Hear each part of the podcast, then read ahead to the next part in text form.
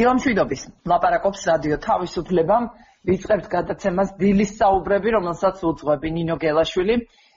დღესაც ვართ მხოლოდ რადიოს ეთერით თუმცა ინტერნეტში შესაძლებელია ჩვენი მოსმენა რადიო თავისუფლების ვებსაიტზე რადიო თავისუფლება წერტილი GE ამ საიტზე შესვლას ნამდვილად არინანებთ რადგან ძალიან ბევრ საინტერესოს ნახავთ ახალს ბევრ რამეზე ნახავთ პასუხს ან კითხვებს რომლებიც თქვენ არ დაგისვამთ შეიძლება ასე რომ აუცილებლად ეწვია ჩვენ საიტს. მე ახლა ჩვენი ინტერნეტ აუდიტორიისთვის ჩავაგდებ სწორედ რადიო თავისუფლების დილის საუბრების. Facebook-ის გვერდზე იმ ბმულს სადაც შესაძლებელია ჩვენი გადაცემის მოსმენა რომელშიც დღეს ვაგრძელებთ ვაგრძელებთ გუშინდელ თემას. შეიძლება ასე ითქვას რადგან პროცესი გრძელდება რადგან გამოხმაურებები ქართული ოცნების 28 ივლისის გადაწყვეტილებაზე არის ძალიან აქტიური, არა მხოლოდ გამოხმაურებები, შეიძლება ითქვას თბილისში სულ უფრო და უფრო გაიზრდება, კიდევ უკვე არის მნიშვნელოვანი დესანტი, შეიძლება ასე ითქვას, დასავლელი პარტნიორებისა და გამოხმაურებების მასშტაბიც, სიმწავეც სულ უფრო იზრდება, რამდენიმე ამონარიც გაგაცნობთ მხოლოდ ერთი მაგალითად თავად შარლ მიშელის განცხადება გავრცელდა გუშინ. რომელზეც სხვადასხვა შეფასებებია ასეთი უნდა ყოფილიყო თუ ისეთი და ვინ როგორ ცელოდა. ყოველ შემთხვევაში ასეთი ფრაზაც არის. მოუწოდებ ყველა მხარეს პირველ ადგილას მოქალაქეების ინტერესები დააყენოს და აიღოს ვალდებულება საქართველოსი პოლიტიკური დისკურსის განვითარებისა ქვეყნის დემოკრატიული ინსტიტუტების ფარგლებში. შეერთებული შტატების საელჩოს განცხადება გამოქვეყნდა ასევე ვაშინგტონის შეშფოთება სულ უფრო მეტად ღრმავდება საქართველოს დემოკრატიული მომავლის გზაზე განმეორებითი უკან გადადგმული ნაბიჯების გამო. ყველა ხელმომწერმა პასუხი უნდა აგოს ხელშეკრულების ფარგლებში მათ მიერ აღებულ ვალდებულებებზე, მაშინ როცა ჩვენ ვაგრძელებთ დაჟინებით მოთხოვნას, რომ ყველა პარტიამ ხელი მოაწეროს და სრულად შეასრულოს შეთანხმება. დიდი ბრიტანეთის საელჩო ბოლოდროინდელმა მოვლენებამ, მათ შორის 5 ივლისს თბილისი პრაიდის დროს მაუწყებელ ჟურნალისტებზე განხორციელებულმა თავდასხმებმა ეჭვები გააჩინა საქართველოს არჩეული პოლიტიკური გეზის თაობაზე. შეერთებული შტატების საელჩოს განცხადებაში ნახსენები იყო გამოყენებული იყო სიტყვა ბრაზი რაც ყოველას მოხდა პირველივე წინადადებაში, რომ შტატები, შეერთებული შტატები ძალზე შეწუხებული და გაბრაზებულია პარტია ქართული ოცნების სამხრივი გადაწყვეტილებით გასულიყო 19 აპრილის შეთანხმებიდან. დოკუმენტიდან, რომელიც შემუშავდა 6 თვიანი რთული, მაგრამ ერთობლივი მოლაპარაკებების შედეგად და წარმოადგენს ქართული ხალხისა და მათი დემოკრატიის წინსვლისთვის აუცილებელ გზას. ნათქვამი არის დასაწყისში ამ განცხადების და ამ სიტყვა ბრაზის მნიშვნელობას გვიხსნის კიდევ დამატებით თავის ტვიტერის პოსტში ესტონეთის ყოფილი პრეზიდენტი ტომას ჰენდრიკ ილვესი. თუმცა რა ახსნა სჭირდება ამას კაცმა რომ თქვას, დღევანდელ გადაცემაში ჩვენ ჩვენს სტუმრებთან, პოლიტოლოგებთან, ანალიტიკოსებთან ერთად და თქვენთან ერთად, რა თქმა უნდა, ოღონ დღესაც ვერ ვახერხებთ კიდევ ერთხელ გეტყვით ზარების მიღებას, შესაძლებელია ინტერნეტში შემოგვეხმიანოთ კლავაც დილის საუბრების საიტზე, როგორც ამას აკეთებდით, თუმცა ვით მხოლოდ რადიოს უსმენთ დიდი დიდი ბოდიში უნდა მოგიხადოთ კლავ რომ ვერ ვახერხებთ აი იმის გამო რომ მე ვარ ოფისის მიღმა იმის გამო რომ არ გვაქვს ასეთი ტექნიკური საშუალებები სამწუხაროდ ვერ ვახერხებთ ზარების მიღებას ამ რეჟიმში. იმედი მაქვს მალე დავბრუნდები სტუდიაში და ჩვენი პირდაპირ კომუნიკაციაც აღდგება.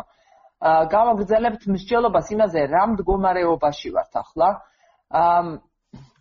რა არის რამდენად განსაზღვრა შეიძლება იმისი დღეს ამ ვითარებაში თუ სად არის ვითარებიდან გამოსulis ბერკეტი ვის აქვს დღეს ანტიკრიზისული რესურსი და ვინ დააზღვევს ამ რისკებს ასევე საინტერესოა ალბათ ვიდრე ამ კითხვებს უპასუხებთ იმის განსაზღვრას თუ ვინ გააბრაზა ვინ შეაგულიანა და ვინ დააბნია ქართული ოცნების მიერ 19 აპრილის შეთანხმების დატოვებამ.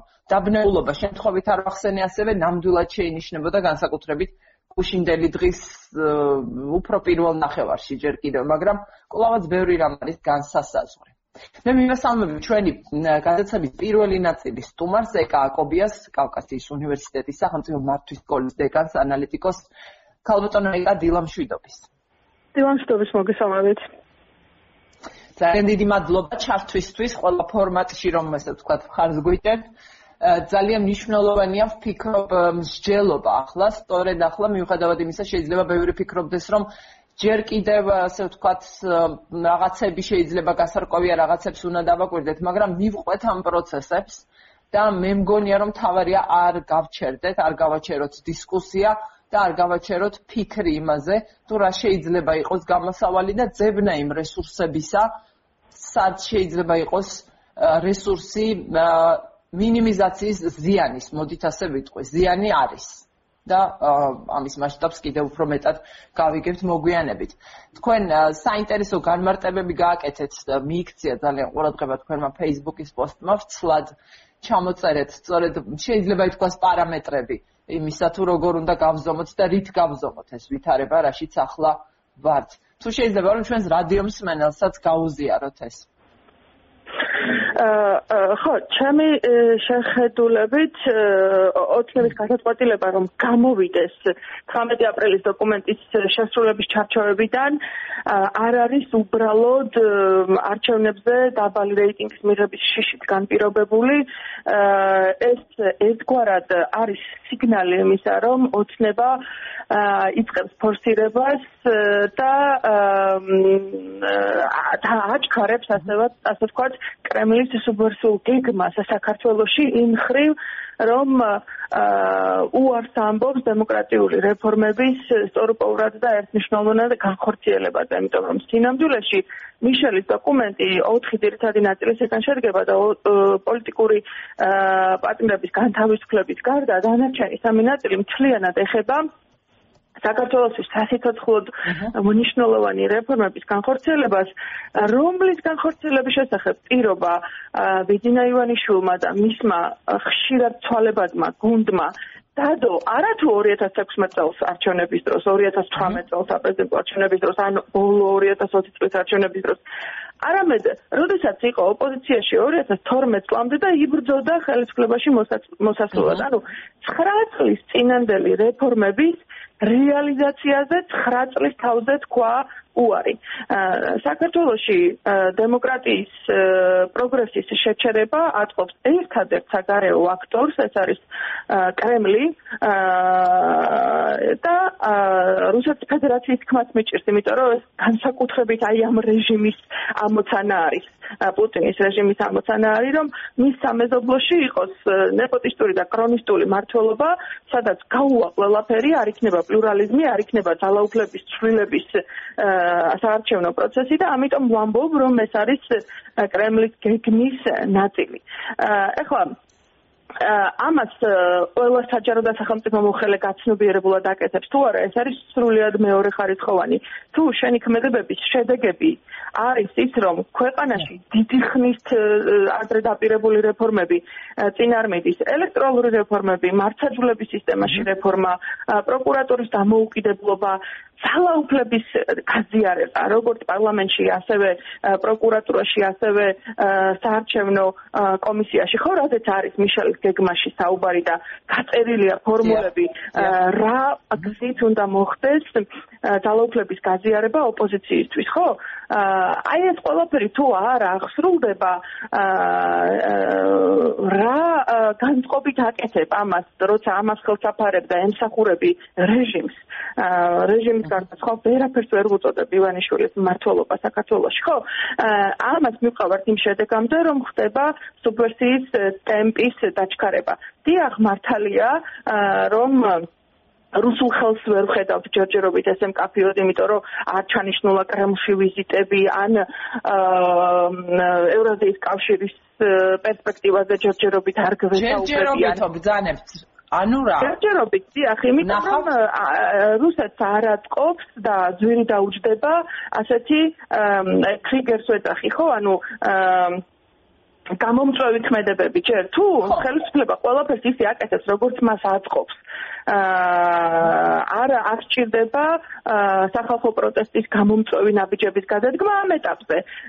ამ ეტაპზე ნელ-ნელა დაიწყება და დაწყებულია ეს უკვე დიდი ხანია, ხო, როგორც კი შიდა რეფორმებზე უარს ამბობ, პრაქტიკულად კრემლის საქმეს აკეთებდა. ამ რეფორმებზე უარი საქართველოს დიდი ხანია თქვა ამ ხელისუფლება, ხო? 2016 წლიდან მოყოლებული, როცა საპარლამენტო არჩევნები ჩაატარეს, რომელიც უბრალოდ დამაკმაყოფილებელი კრიტერიუმების ხვარზე იყო და არაფერი განსაკუთრებული არ მომხდარა ხო დემოკრატიული პროცედურების თვალსაზრისით.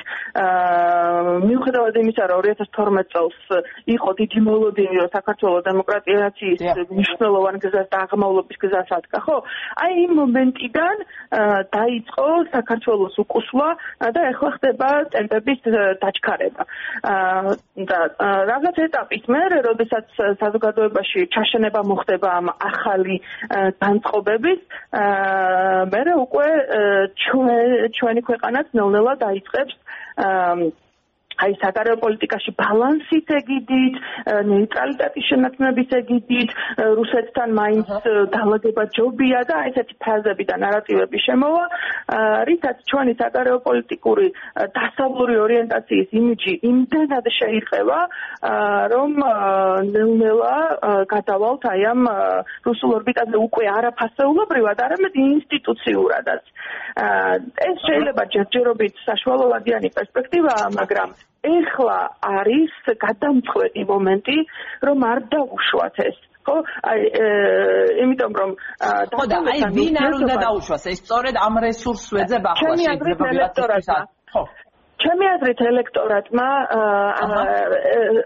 თანამედროვე ეპოქაში 21 საუკუნეში ბრძოლა ხშირად არ არის რაღაც ხისტი ფორმებით, არამედ ჩვენი მოქალაქეობრივი პოზიციაც არის ბრძოლის მნიშვნელოვანი ფორმა. საქართველოს მოქალაქეებს აქვთ ეს ინიციატივა და ადგილობრივ არჩევნებს აი ახლა ოქტომბერში უნდა შეხედონ როგორც სახალხო რეფერენდუმს, რომელშიც კაფეოდ უნდა დააფიქსირონ. სად უნდათ რომ ვიყოთ? ოცნების და კრემლის მხარეს თუ დასავლეთის ევროკავშირის ნატოს ამერიკის შეერთებული შტატების და უბრალოდ ჩვენი შვილებისთვის უკეთესი მომავალის მხარეს ანუ მიუხედავად იმისა რომ ოცნება მანულრება გააკეთა ამ დოკუმენტისა ეს დოკუმენტი მაინც არსებობს და მაინც თუ ოცნება ვერ მიიღებს ხმების იმ რაოდენობას, რა რაოდენობასაც რა რაოდენობასაც იყო საუბარი, ხო, 53%, ეს ისედაც მნიშვნელოვანი სიგნალი იქნება, რომ ოცნების ხელისუფლებას აღარ აქვს ლეგიტიმაცია და აუცილებელია რიგგარეშე არჩევნების დანიშნა. ამ ეს არის ერთადერთი გამოსავალი და სწორი გამოსავალი. არ უნდა მოხდეს ანისრების გადატანა, ან რაღაცნაირად ოპოზიციის ავკარგიანობაზე ახლა საუბარი. ვინაიდან ამ ფორმითაც კი ოპოზიცია ნებისმიერი ფორმაციით და კონფიგურაციით ჯობია ამ უკვე დრომოჭმულ მართლობას 9 წელი გავიდა ზუსტად რა თქმა არის ხელისუფლებაში და დრო არის რომ საქართველოსში დაიწყოს კოალიციური მართლობის ანუ ძალაუფლების დანაწილებაზე ორიენტირებული სადაც უფრო მეტი იქნება კონტროლისა და ბალანსის მექანიზმი მართვა იმით რომ შანსი მიეცეს სხვა პარტიებს მოვიდნენ ხელისუფლებაში მონაწილეობა მიიღონ ხო მართვაში ვინ უნდა აი ამის კითხვა მინდა მიუხედავად იმისა, რომ უწინდელ გამოკითხვებში ამ ამგვარი მართლობის მიმართ, ამგვარი ცვლილების მიმართ ხარდაჭერა გამოხატული იყო მნიშვნელოვნად. ამ ეტაპ მე მგონია რომ მას შემდეგ წინ არჩევნების დროს იყო საპარლამენტო არჩევნების წინ. მას შემდეგ რაღაცები შეიცვალა, ბევრი მოძრაობა, საკმაოდ დამაზიანებელი დემოკრატიისთვის მოძრაობა ქვეყანაში და მე მინდა კითხო დღეს ვის ხედავთ ვინ არის ამ გზავნილების მიმტანი აგენტი? ახლა თქვენ ლაპარაკობთ ეთერში, გასაგებია, მე და თქვენ ვართ მსმენელები გვისმენენ და აა სამწუხაროდ დღეს ვერ გვერდთვებია სრულიად ტექნიკური მიზეზის გამო და იმედი მაქვს ამის აღდგენის. ვინ ვის ხედავთ დღეს აგენტად, რომელმაც ეს გზავნილი უნდა მიუტანოს ეფექტიანად ამ მომრჩეველს? აა მე ვფიქრობ, რომ ოპოზიციაში ამას აქტიურობა შეიძლება ჩვენ კი ბოდიში ვიდრე გავაგზავნებთ ჩვენ დღეს ვხედავთ მსჯელობას და ზედაპირზე იმაზე, ესე ვთქვათ, ძალიან ცხელ დისკუსიას, ვინ დარჩება პარლამენტში, ვინ პარლამენტს მიღმა იქნება, ვინ ბოიკოტის რეჟიმში და ვინ მაინც ითანამშრომლებს თუ აი ამაზე ძალიან წვრილმანი ხომ არ არის? იმ ამოცანასთან შედარებით რაზეც ახლა თქვენ ვაპარაკობთ. ეს არის ფონური ხმაური და ძალიან წვრილმანი საკითხი, მაშინ როდესაც ოპოზიციამაც და ელექტორატმაც ფოკუსი უნდა მოახდინოს დიდ სურათზე, გეოპოლიტიკურად რაც შეიძლება აღმოჩნდეს საქართველოს თუ ოცნება დარჩება ხელისუფლებაში და კრემლის ასე ვთქვათ საყრდენი ამ ქვეყანაში გაიზრდება, ხო? გავიხსენოთ რუსეთის დაზვერვის სამსახურის განცხადება აა საქართველოსთან დაკავშირებით ხო? რომელშიც ის თვითონ ოცნებას ერთგვარად მხარს უბამდა იმაში რომ ოცნება ერთმნიშვნელოვნად არასრულებს ამერიკის რჩევებს და ამის გამო ოცნება არის დეწოლის ქვეშ ხო?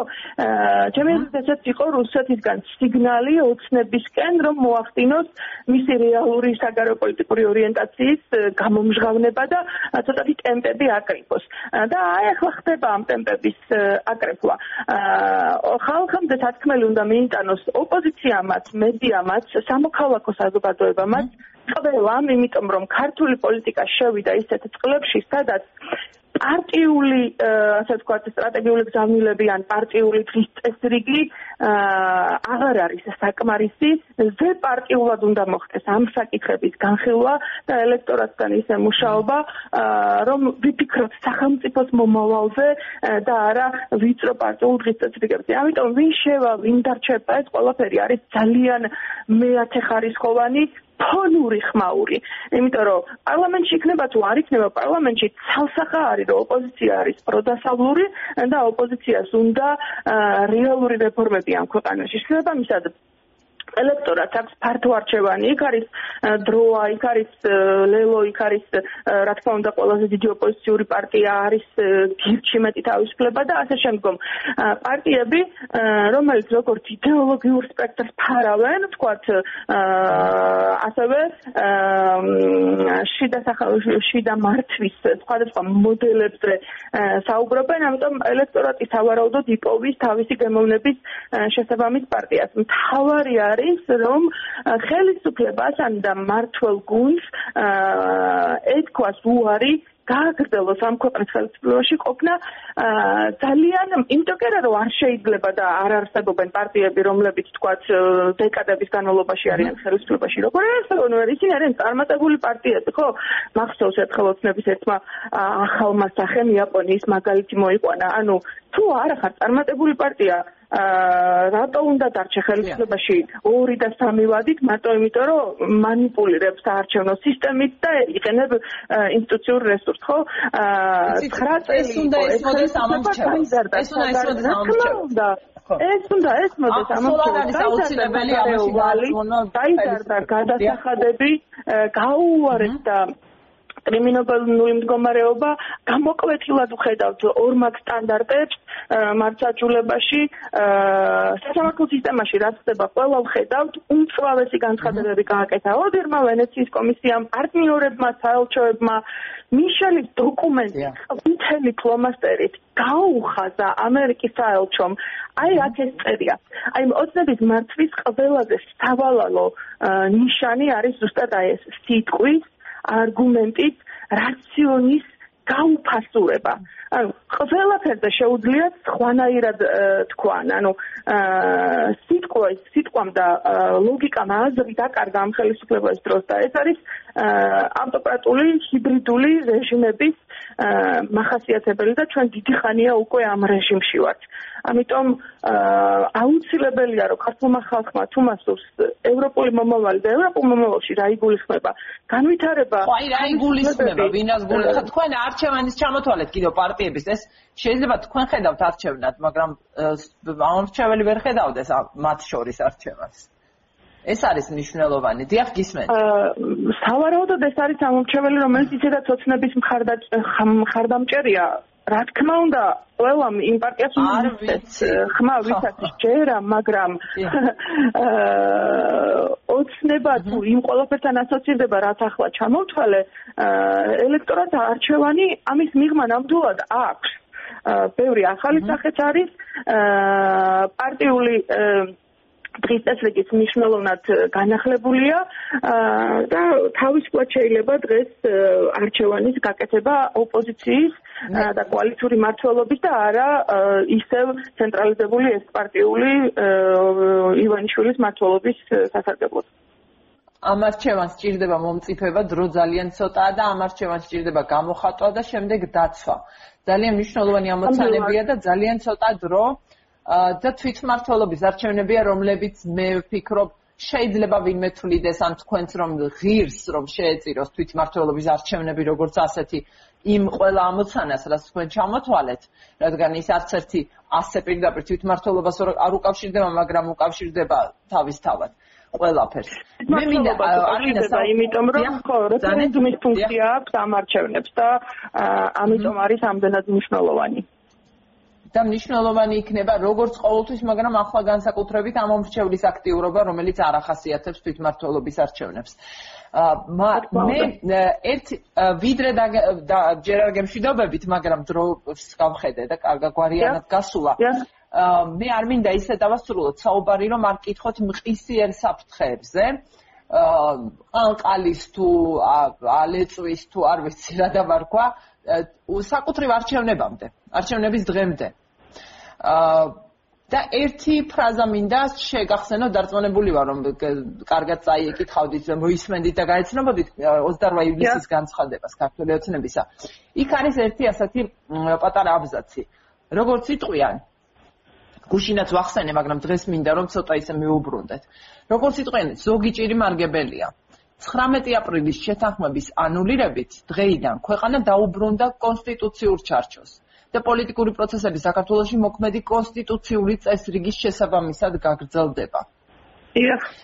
მე მომეჩვენა რომ ამაში დევს თავად ფრაზაში, თავად ამ გზავნილში დევს საფრთხე. ეს ნიშნავს იმას, სხვანაირად როგორ უნდა ვთარგმნო, არ ვიცი, რომ მართველი ძალა თulis სამწუხაროდ არ მომეცა საშუალება მათ წარმომადგენლებთან გასაუბრების ჯერჯერობით, მაგრამ იმედი მაქვს იქნება ესეც და უბრალოდ ვუსმენ ყველა სხვა იმ მედიაში, სადაც აქვთ კომუნიკაცია დღეს. აი მე იქ გაისმა კიდევ ხო ეს ეს ნიშნავს იმას პირველი რაც აზრად მოგდის ადამიანს, ხომ? რომ თავად იმ შეთანხმებას არ შეთანხმებას თვლიან კონსტიტუციურ ჩარჩოს მიღმა გასულად. ან რაღაცის დარღვევად კონსტიტუციური წესრიგისა გისმენთ? აა პირველ რიგში ეს ფრაზა არის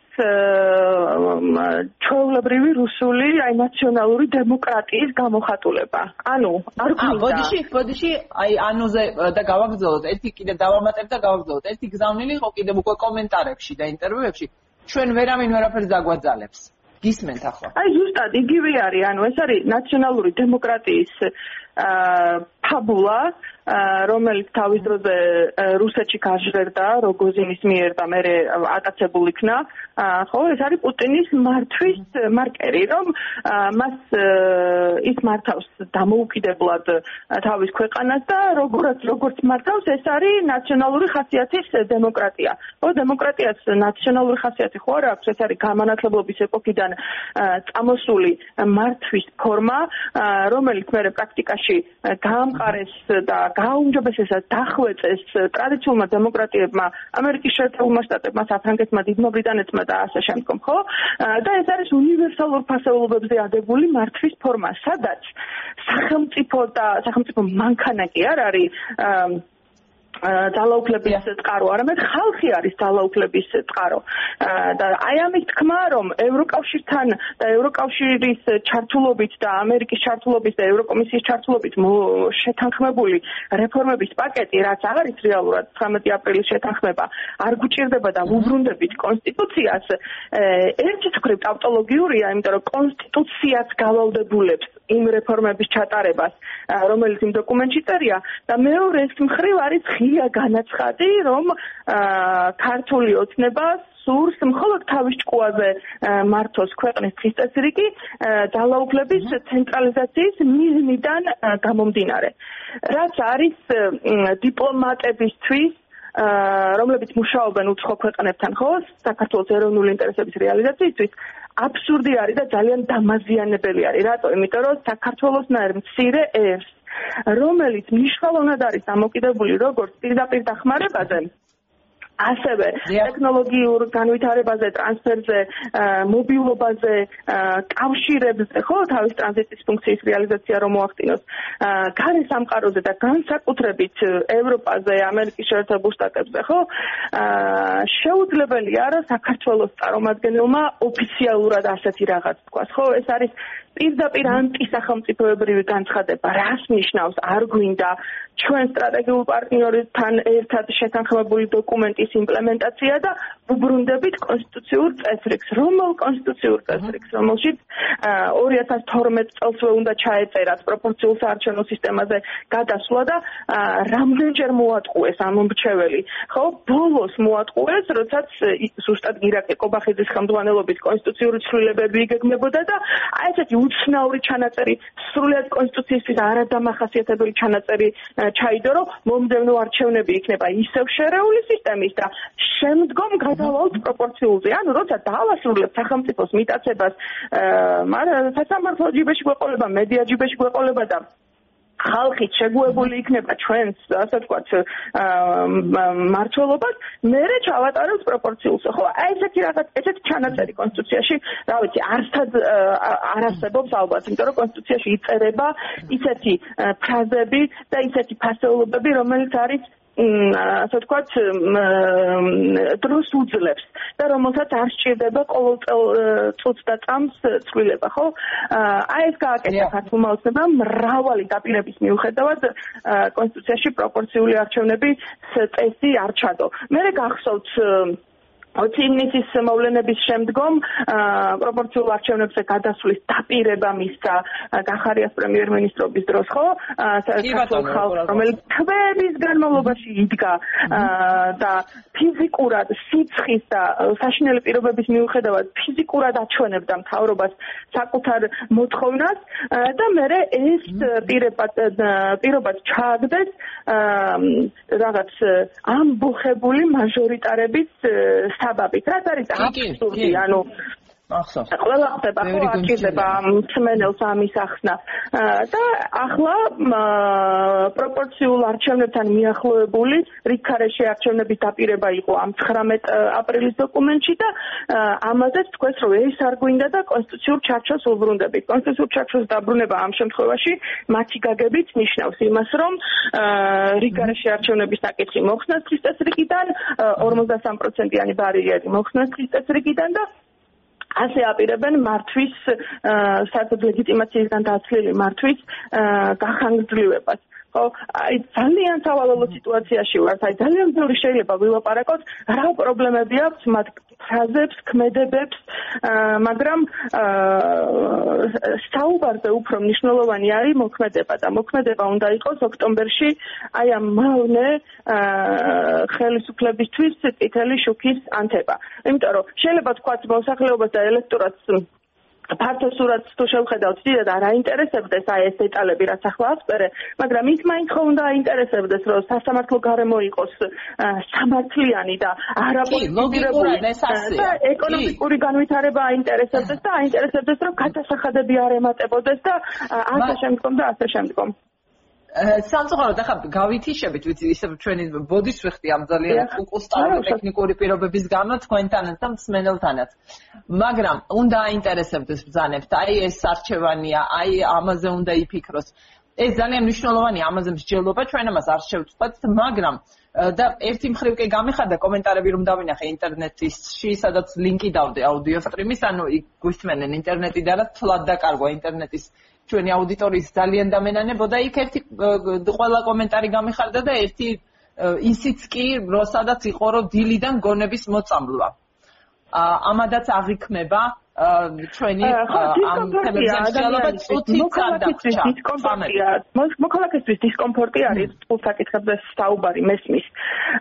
მეც არ მსჯამოვნებს როდესაც ჩემი ქვეყნის მომავალზე ასეთ მუქფერებში ვსაუბრობ მაგრამ ეს აუცილებელია იმიტომ რომ როდესაც ეს გარდატეხა მოხდება უკან შემოსაბრუნებელი დრო და სივრცე აღარ გვექნება ამიტომ ახლავე უნდა დავფიქრდეთ. აა იმიტომ რომ ამდენი შეცდომის უფლება ჩვენისთანა მცირე ერს არ აქვს და კიდე ერთ დავამატებდი რა. გავითიშებით მაშინია წყალებში ქვეყანა კი არ დაინგრევა. ევროპელები მაინც მიიღებენ საქართველოს მთავრობას იმიტომ რომ მთლიანად ხალხი პროევროპელია. რაღაც წლების განმავლობაში ეს ინერცია და დინამიკა შეგურჩება მაგრამ გრძელვადიან პერსპექტივაში ჩვენ დავკარგავთ ევროპასთან ინსტიტუციური ინტეგრაციის პრივილეგიას. შევხედოთ ჩვენს მეზობლებს. ამ წუთას ეს პრივილეგია არ აქვს არც სომხეთს და არც აზერბაიჯანს. ისინი იყვნენ ყარად რუსულ ორბიტაში და რა შედეგები მოუტანა სომხეთს რუსულ ორბიტაზე ყოფნამ ძალიან კარგად ვნახეთ 2020 წლის ნოემბერში. ამიტომ გონების მოწამვლა არ არის ეს, ეს არის გონების განძრევისკენ მოწოდება და იმედია რომ ყველა დაფიქრდება. ძალიან დიდი მადლობა. მადლობა. დიდი მადლობა ეკა აკობიას.